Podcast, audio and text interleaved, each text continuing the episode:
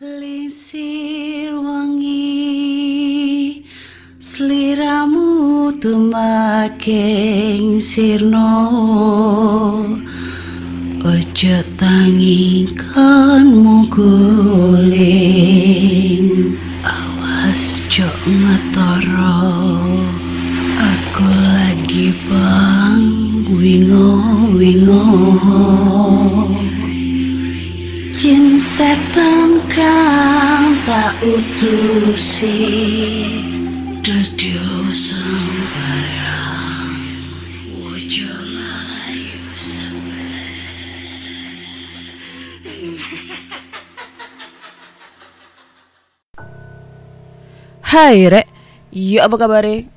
Ketemu lagi dengan aku si Ana di podcast kisah horor. Kita bertemu di episode 268 dan di episode kali ini aku membacakan cerita horor ataupun email berhantu yang sudah dikirimkan teman-teman melalui podcast kisah horor at gmail.com ataupun di Instagram podcast kisah horor serta Google Form yang lainnya tersedia di bio Instagram podcast kisah horor.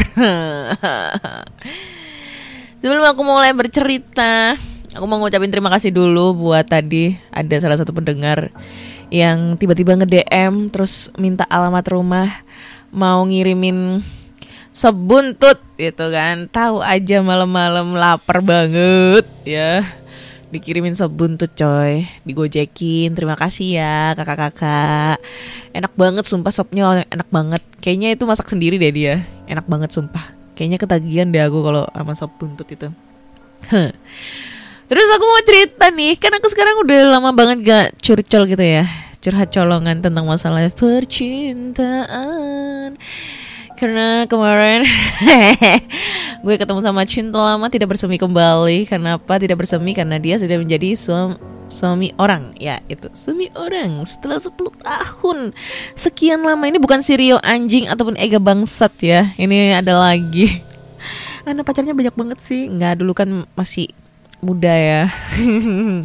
Ya habisnya dulu diseriusin uh, nyampe dia pendidikan datang jauh-jauh dari Surabaya ke Watu Kose buat datang ke acara penutupan pendidikannya dia. Eh dianya malah nikah sama orang lain. Kan anjing gitu loh. Tapi seneng banget sih setelah sekian lama 10 tahun nggak ketemu akhirnya ketemu lagi. Uh, mumpung dia lagi di sini nggak ada nggak ada istrinya ya. Tapi dia tuh juga mau share pengalaman horor nih. Jadi dia kemarin sempet cerita sama aku tentang pengalamannya dia pada saat evakuasi uh, orang meninggal yang ada di dalam sumur jadi kebetulan kan dia dinasnya di daerah Bogor gitu uh, terus aparat lah ya nah karena ada kejadian katanya tuh gini uh, ada supir truk ada istri Ntar gue agak lupa ceritanya. Ada istri ngelapor ke kantor polisi karena suaminya itu tujuh tahun gak pulang-pulang gitu. Eh, tujuh tahun, tujuh hari gak pulang-pulang gitu. Nah, pas dicek terakhir gitu kan, kan dia kan sempet nelpon. Nah, sempet nelpon terus katanya itu lagi berhenti di situ gitu loh, lagi istirahat atau apa. Nah, pas dicek itu karena istrinya curiga kenapa tujuh hari nggak pulang-pulang terus nggak ada kabar juga nah diceklah ke lokasi uh, terakhir dia nelpon ada tuh truknya gitu kan ada truknya. Nah dicari-cari-cari ditelusuri gitu kan sama pihak kepolisian gitu. Ternyata di situ ada sumur gitu. Nah sumur. Kemungkinan nih si bapak itu itu tuh pengen ngambil air di sumur tersebut gitu loh. Mungkin karena pengen buang air atau apa nggak tahu ya e, ambil air di sumur itu tapi ngambilnya tuh embernya itu pakai tali bukan pakai katrol. Jadi kayak ditarik gitu loh. Tak ember terus diketali terus ditarik gitu. Nah sumurnya itu ada sekitar kedalaman 7 sampai 8 meter. Mungkin naasnya beliau itu kepleset terus masuklah ke sumur tersebut. Dan alhasil mungkin karena kebentur ya kebentur atau apa gitu orangnya pingsan dan nggak taunya ditemukan dalam keadaan sudah meninggal dunia dan sudah mohon maaf e, membusuk gitu kan jenazahnya. Karena nggak bisa dievakuasi akhirnya e, tim kepolisian nih manggil lah si timnya mantan aku nih. Aku manggilnya mantan atau apa ya? Emang kita pernah pacaran ya? Ya itulah pokoknya si cowok itulah. Ya untuk minta bantuan supaya bisa evakuasi jenazahnya. Karena emang lubang sumurnya itu kecil terus posisinya itu ada di kedalaman 7 sampai 8 meter dan jenazahnya itu posisinya kepalanya di bawah jadi kepalanya di air terus kakinya jengkang ke atas gitu. Eh, sebelum dia masuk dia tuh sempat ditanyain kamu siap nggak? Gitu. Kamu siap nggak untuk untuk evakuasi jenazah tersebut? Terus dia bilang siap pak. Gitu. Sebenarnya tuh yang disuruh mengevakuasi itu temennya tapi karena temennya ini badannya bongsor gede dan mungkin dia takut juga. Akhirnya dia nggak berani dan dialihkan ke ke si cowok ini gitu kan. Si ini ex ini kan. Kamu berani nggak? Gitu kan. Siap berani komandan gitu kan. Udah lah masuk ke dalam. Sebelum masuk itu dia tuh kayak udah berdoa dalam hati gitu kan. Eh permisi bapak gitu. Saya berniat baik untuk eh, mengambil jenazah bapak. Lalu dipertemukan dengan keluarga bapak kemudian dikebumikan dengan layak.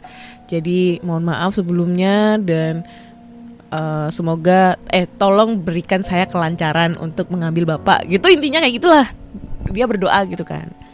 Udah kan untungnya itu katanya untungnya itu posisinya jen, eh, mukanya itu ada di bawah. Jadi dia tuh ngangkat dari kakinya gitu. Soalnya kalau misalnya dia ngang, ngel- ngangkatnya itu dari arah muka itu kayak dia tuh takut itu loh kebayang-bayang sama wajahnya. Karena posisinya kan jenazahnya udah membengkak ya biru-biru semua ngembang gitu kan karena kena air.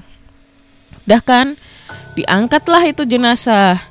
Udah selesai.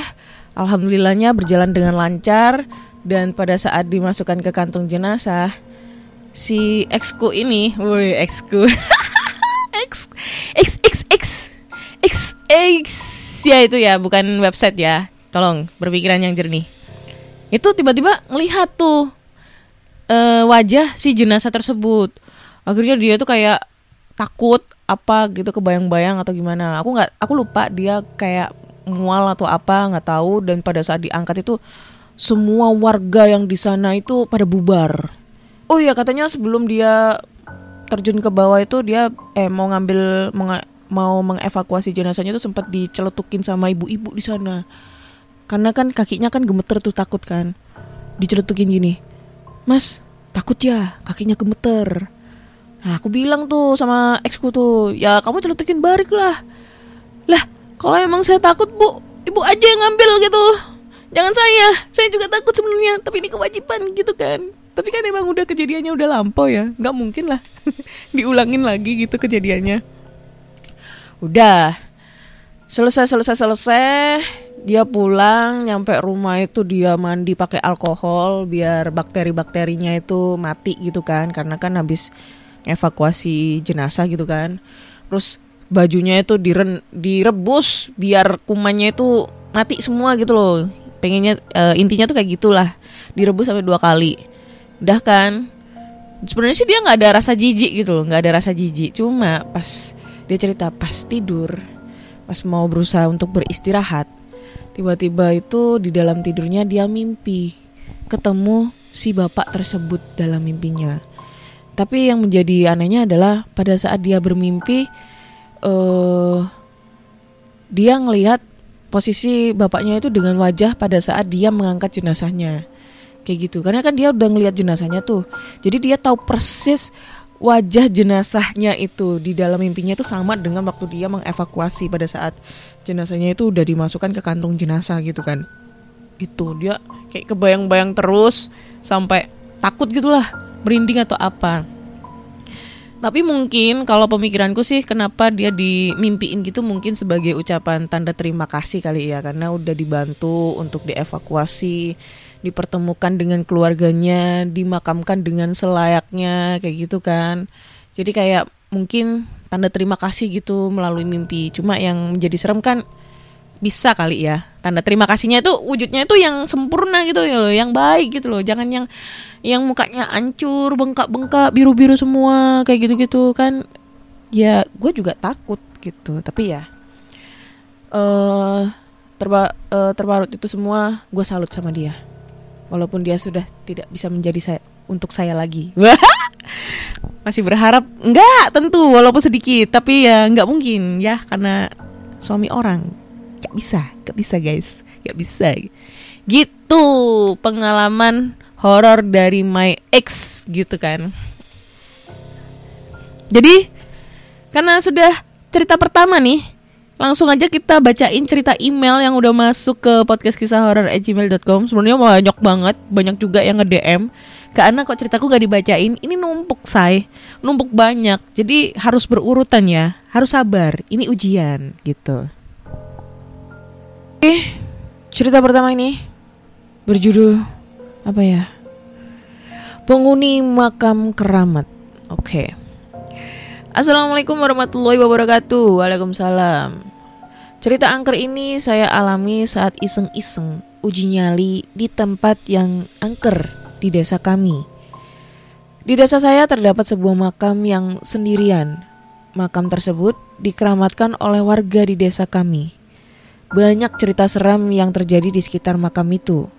Dan sampai saat ini pun, di makam itu masih digunakan oleh orang-orang yang ingin mencari jin untuk dipelihara atau mencari ilmu hitam di makam itu.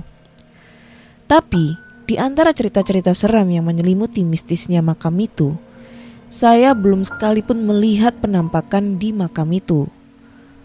Oleh karena itu, saya dan teman-teman, Denny, Imam, dan Ipung berniat melakukan uji nyali di areal makam tua itu.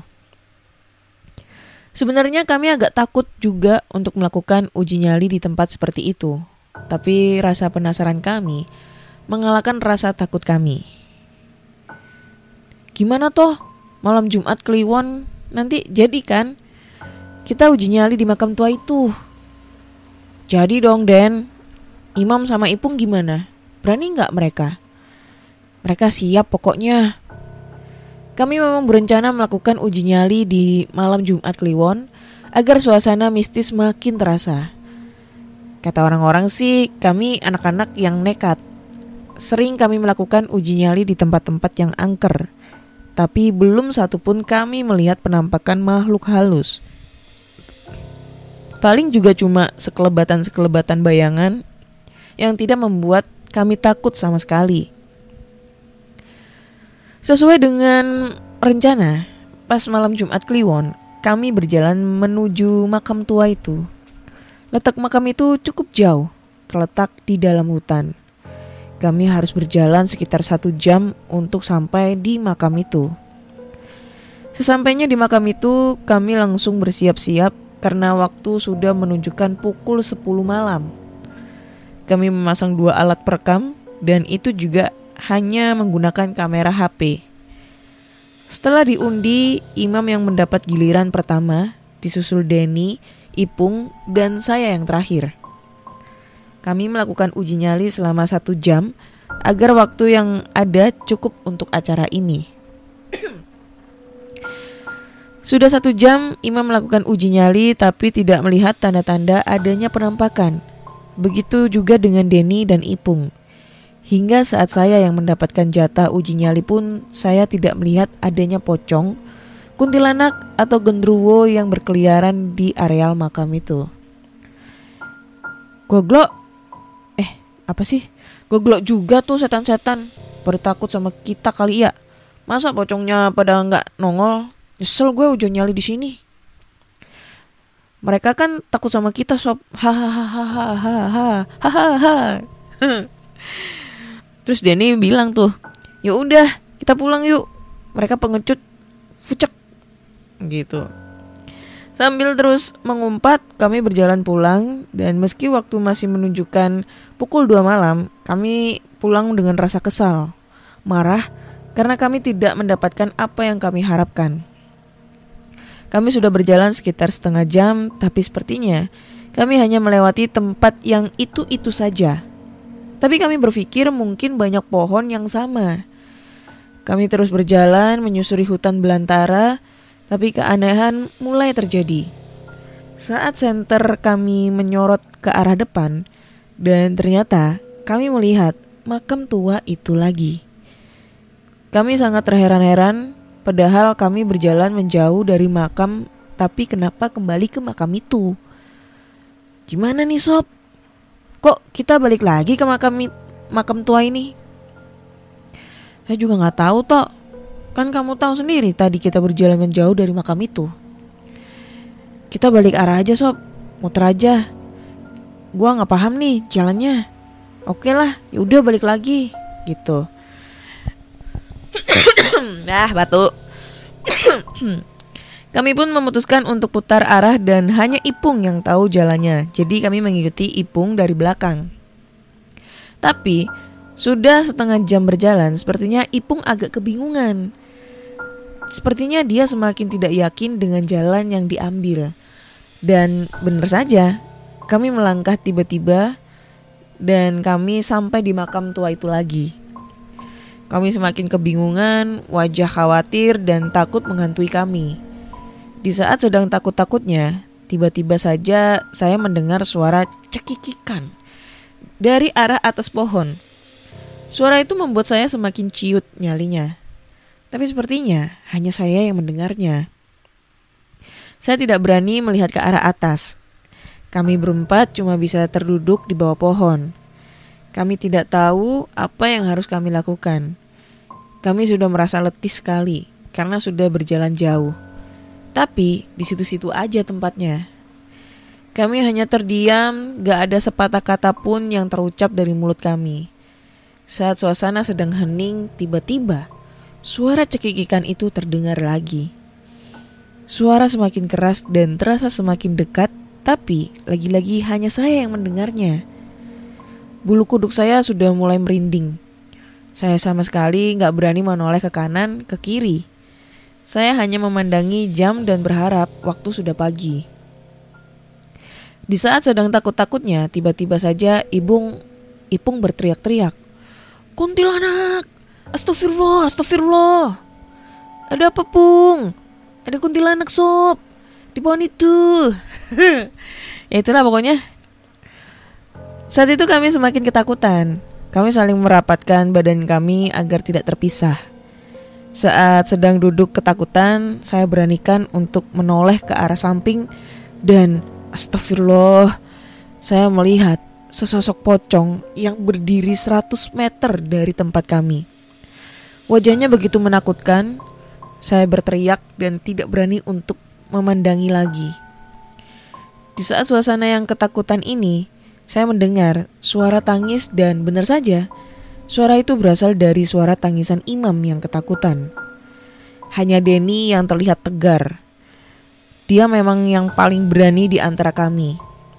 Kami menyesal telah berucap kata-kata sembarangan yang membuat kami diteror arah penghuni eh diteror arwah penghuni makam itu.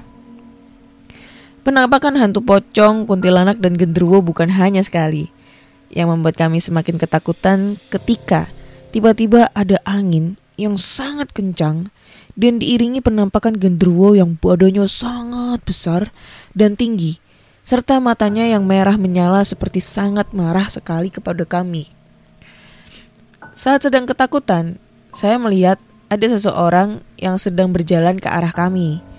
Dan ternyata itu adalah Mbah Wongso penjaga atau kunci dari makam tua itu.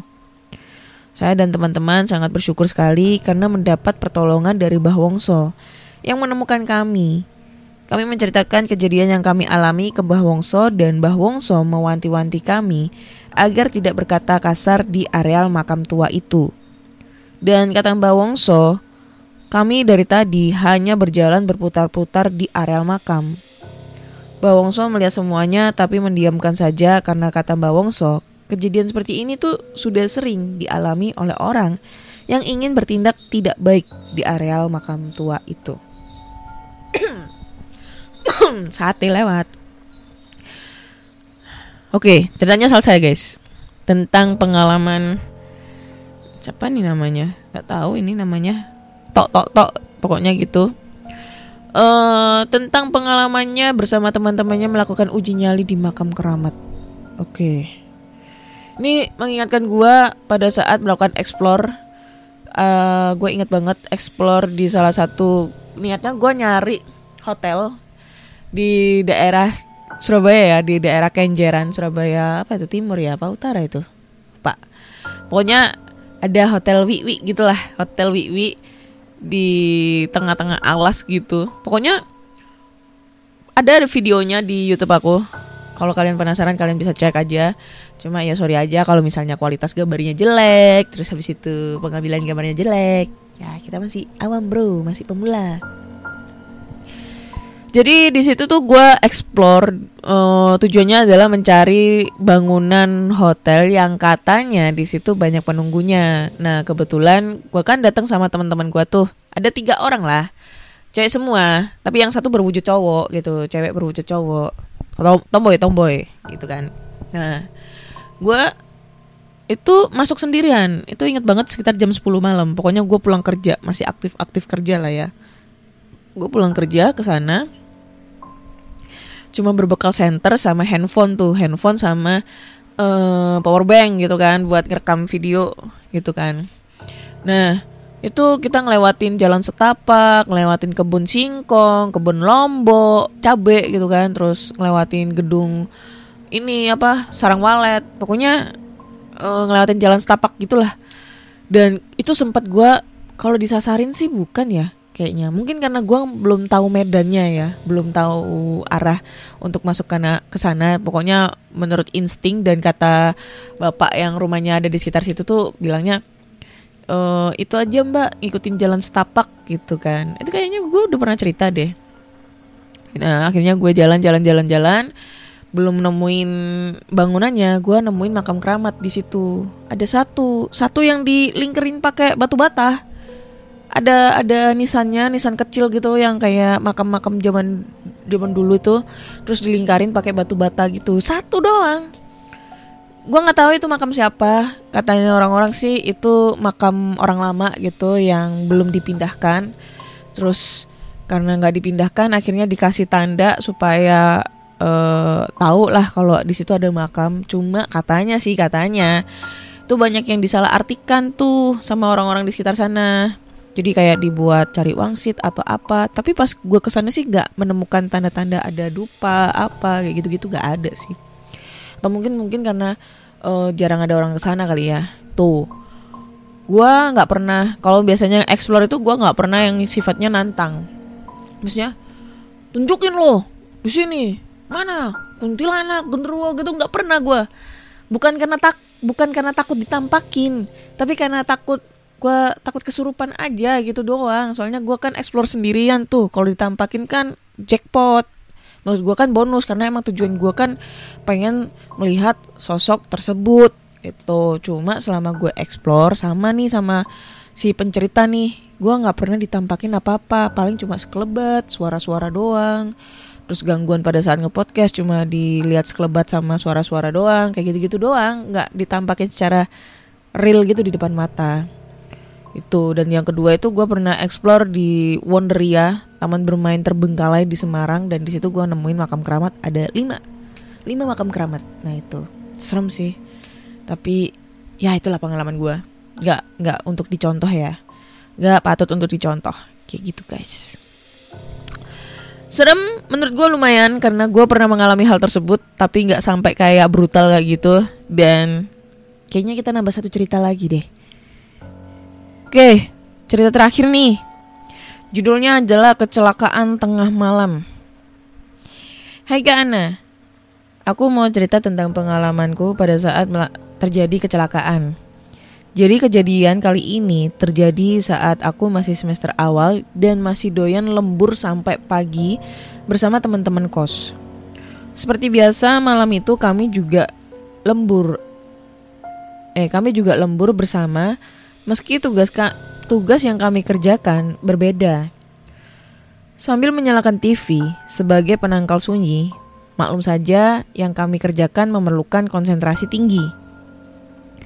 Sekitar pukul satu dini hari kami siap kami sama-sama istirahat sejenak sambil mengamati hasil kerja kami dan sedikit mengobrol. Di saat itulah terdengar suara wanita berteriak. Ah, gitu ya.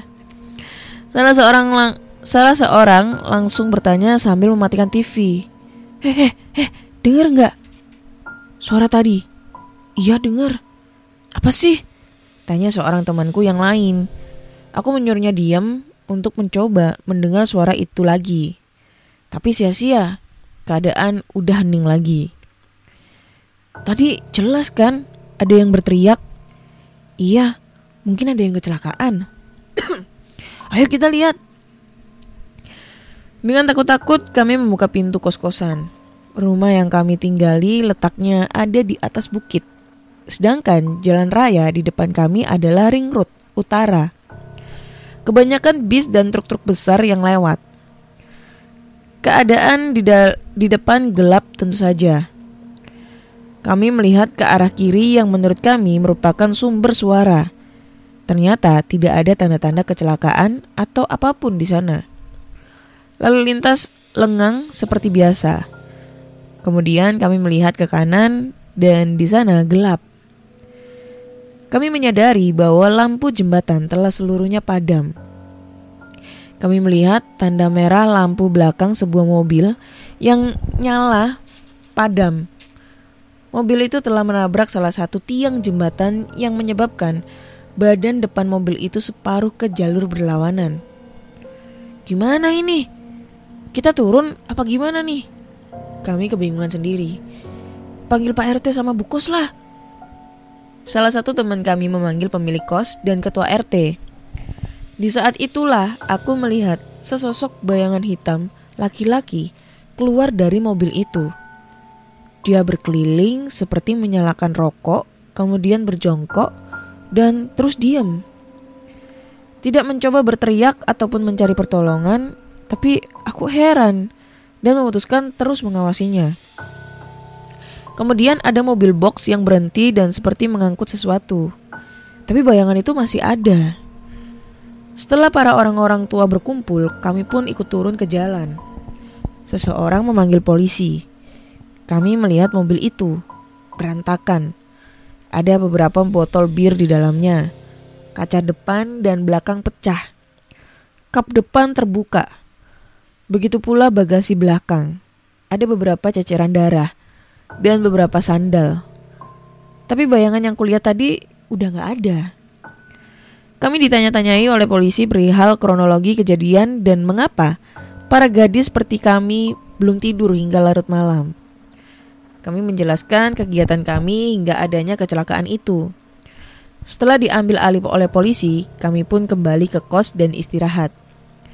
Esoknya, kami mendapat kabar bahwa penumpang dari mobil yang semalam kecelakaan itu terdiri dari lima orang, yaitu empat laki-laki dan satu perempuan. Wanjay digilir bro. Empat laki-laki itu tewas di tempat kejadian dan seorang perempuan kritis. Aku terkejut lalu bayangan siapa yang kulihat, kelu kulihat keluar dari mobil dan menyalakan rokok itu. Salah seorang temanku yang ternyata juga melihatnya juga terlihat kebingungan. Oke, ceritanya lumayan gantung ya. Siapa yang dilihat itu ya? Rokok bro keluar dari mobil ngerokok ambil jongkok gitu ngelihat teman-temannya mate gitu apakah itu arwah dari si ini ya yang meninggal tuh ya kan meninggalnya tuh kayaknya habis mabok tuh mabok mabok mabok soalnya kan habis nemu bir gitu kan di dalam mobil terus dia ya arwahnya ini apa uh, arwahnya keluar gitu terus sebat dulu lah sebelum kekayangan gitu kan. Sebelum masuk neraka sebat dulu lah satu ya. Eh bro mati bro. Makanya jangan mabok ya. Kalau nyetir jangan mabok bro ntar dulu mabuknya biar ini biar apa namanya reda dulu gitulah biar melek dulu mata baru naik mobil ya lu sih pakai nyetir mabok-mabok ya jadinya kan gue ikut kalian nih ke neraka nih ya.